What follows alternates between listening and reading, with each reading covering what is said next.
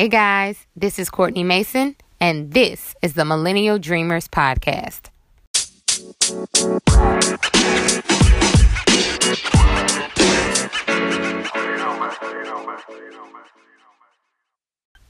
Hey girl, hey.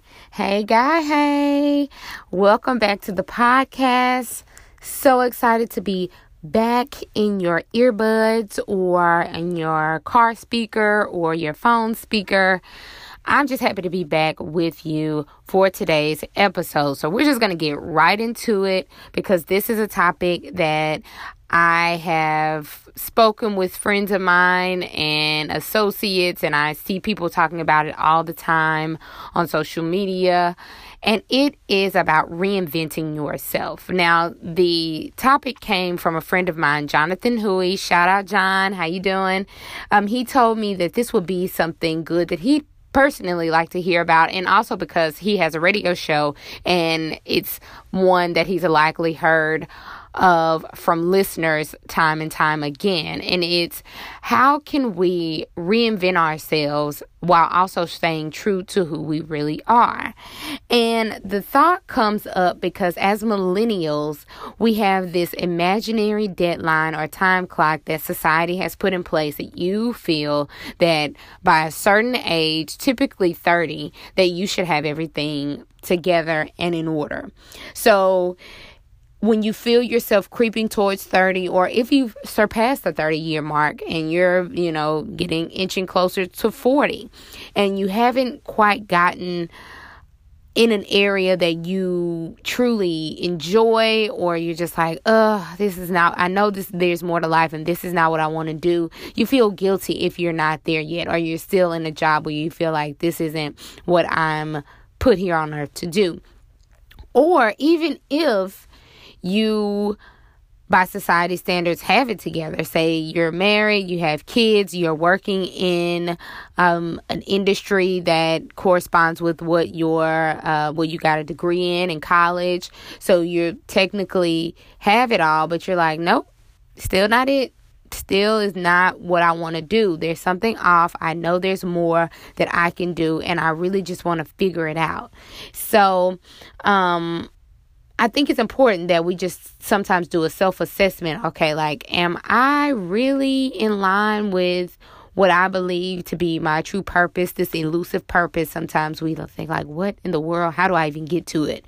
Well, let's just break it down into layman's term now of how you can kind of reinvent yourself as you get older, as you grow, as you have different experiences and jobs and all those different things. How can you stay true to who you are and also find ways to do something that you love?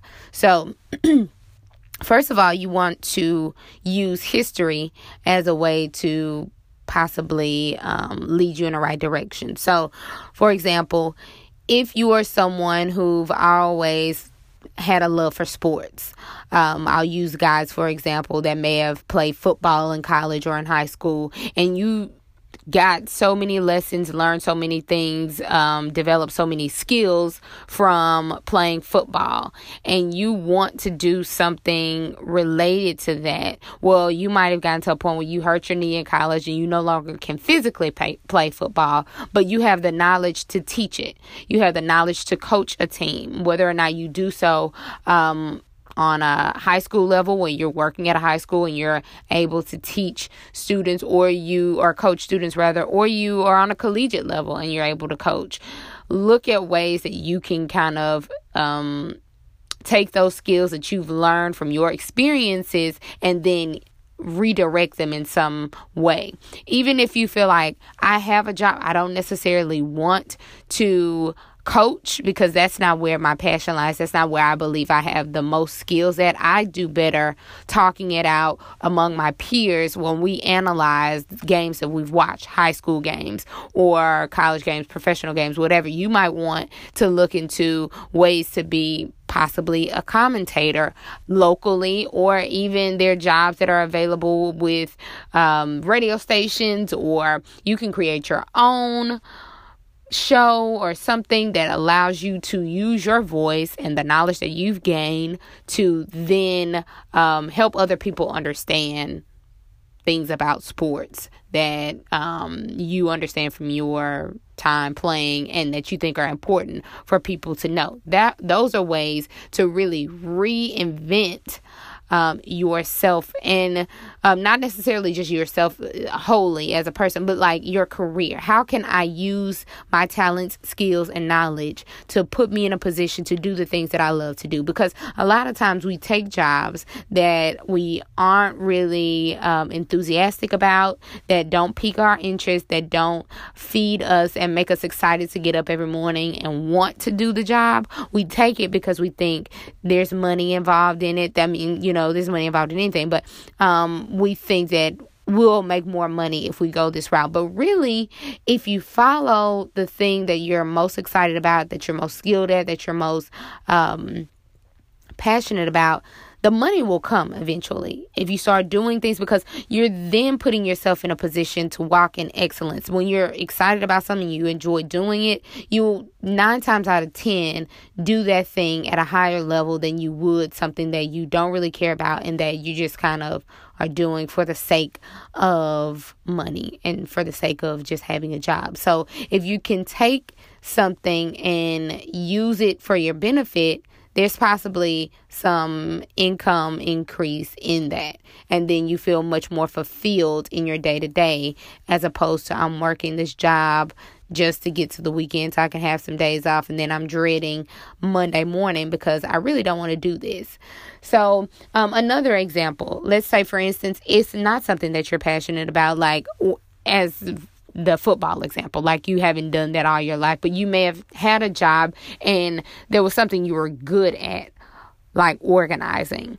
Um, you're good at it and it, it doesn't bother you to do that. Like you, it, it's cerebral to you to be like, okay, how can I find ways to make um, my work area, my spaces, um, that much more functional and um, make it easier for me to kind of like go to work or whatever. It's it's something that you're good at and other people take notice of it. So they come to you and say, "Hey, how can I make my space? I love that you're so organized. Your filing system is great. You all of your computer files if we you know the team um, file that we use is so organized it's because of you and you have a little bit of um, ocd and you just kind of like are really good at that maybe you can help by creating some type of guide that will help other people who don't have that skill um, become better organized. You could then package that thing together and sell it, make extra income, or you can ask for a job or seek out a job that allows you to use that skill that you've learned in a previous position and say, hey, I know that I'm good at this.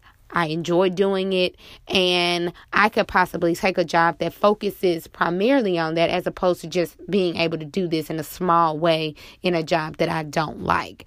So, that's first and foremost. Make sure that you are looking at, um, from a historical uh, point of view, what you've done in the past, what you've enjoyed in the past, what you're skilled at from past jobs, um, things that you've been a part of, organizations you've been a part of. What do you enjoy doing? What do you like to do? And what are you good at? Uh, those are always pathways to get you back.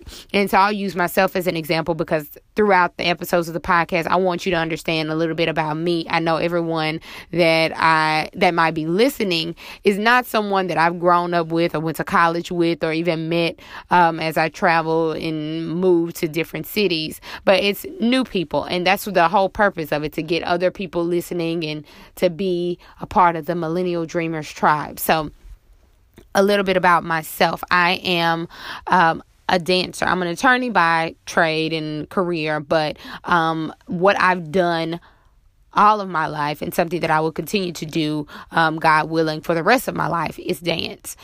And I danced in elementary school a little bit, but it wasn't until I got to high school that I really started to learn more about ballet and modern and hip hop and jazz and stuff like that. But then when I got to college, I really immersed myself in it because I was a part of a dance company at Grambling State University. Shout out to my Gram fam.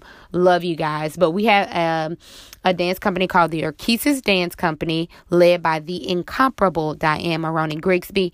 And she helped us to understand um, dance in a very different way. We were immersed in it because we had to do it every single day after class. Um, we traveled a lot and we just had so many experiences. So I knew my, my love for dance continued to grow. But I always knew I was going to be an attorney. And that was what I went to school for. I was in political science pre law.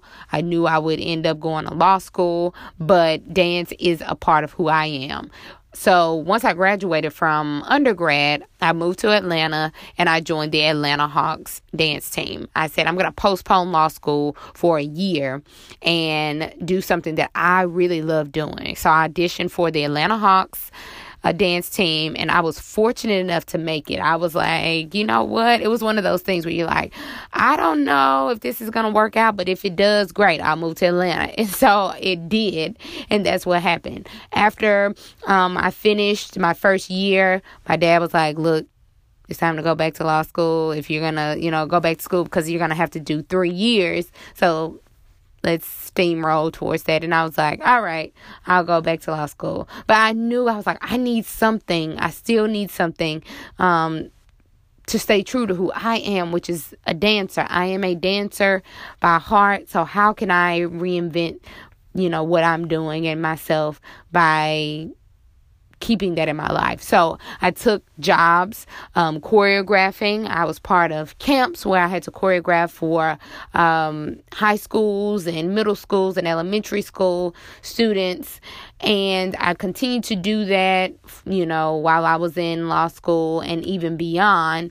And now, a few years ago, I used the knowledge that I have for dance and the love I have for dance to create a children's brand called Little Miss Dancy Pants. And it is designed to introduce dance to children at an early age. So early as like three, four, five years old because I didn't have dance in my life when I was that young. It started when I was in elementary school, like fifth and sixth grade, but then really in high school is when I really started to get an, a good understanding. So now I'm able to use my love for dance, my passion for dance, and my knowledge to educate kids that are babies and that are younger to have them be influenced and and get a true introduction to the world of dance early on to see if it's something that they would be interested in.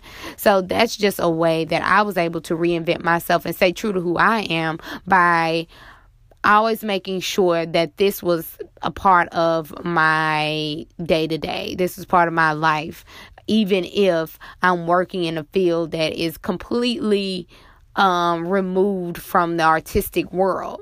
I have a very kind of corporate um, job that is dance is like the nowhere near um, infused in it. But what I've learned is I can take what I know from my dance career and still make it impactful in my life by other means, by doing other things. So you want to be able to do that as well for yourself. Um, a last note that I will give to you is never feel that it's too late for you to course correct. You may have gotten down the road and kicked the can down the road doing something that you later, within five or six years, have decided that this isn't me. This isn't really what lights me up. Like, I don't see myself doing this for, you know, 20 plus years. I think that I need to change it up because I don't see myself being happy doing this. It's absolutely okay. I think we allow what we believe society wants us to do, or our family, or our friends, we let that kind of play into our decision making and not realizing this is our life. You want to be responsible, especially if you have a family and um, kids and other responsibilities like that. You want to make sure that you definitely are putting yourself in a position to to feed yourself and your family and pay your bills and all of that but it doesn't mean that just because you have responsibilities that you can't live a life that's fulfilling to you. And so i want to disband that and just give a nod to anyone who might be listening who may be dealing with those thoughts. This is kind of like a, a nod to you to say it's your life. You don't want to allow yourself to um, go many, many years down the road before you really put your foot down and say, it is okay for me to um, live my best life, whatever that means to me.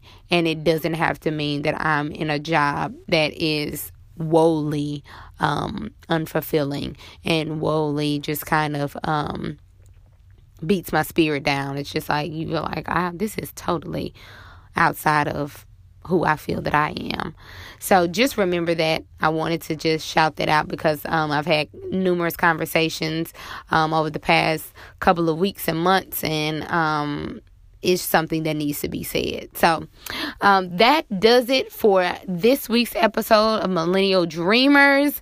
Give me your thoughts, give me your feedback. I want to know what you are doing to reinvent yourself and to stay true to who you really are. Thanks for tuning in. I will talk to you next week. Peace.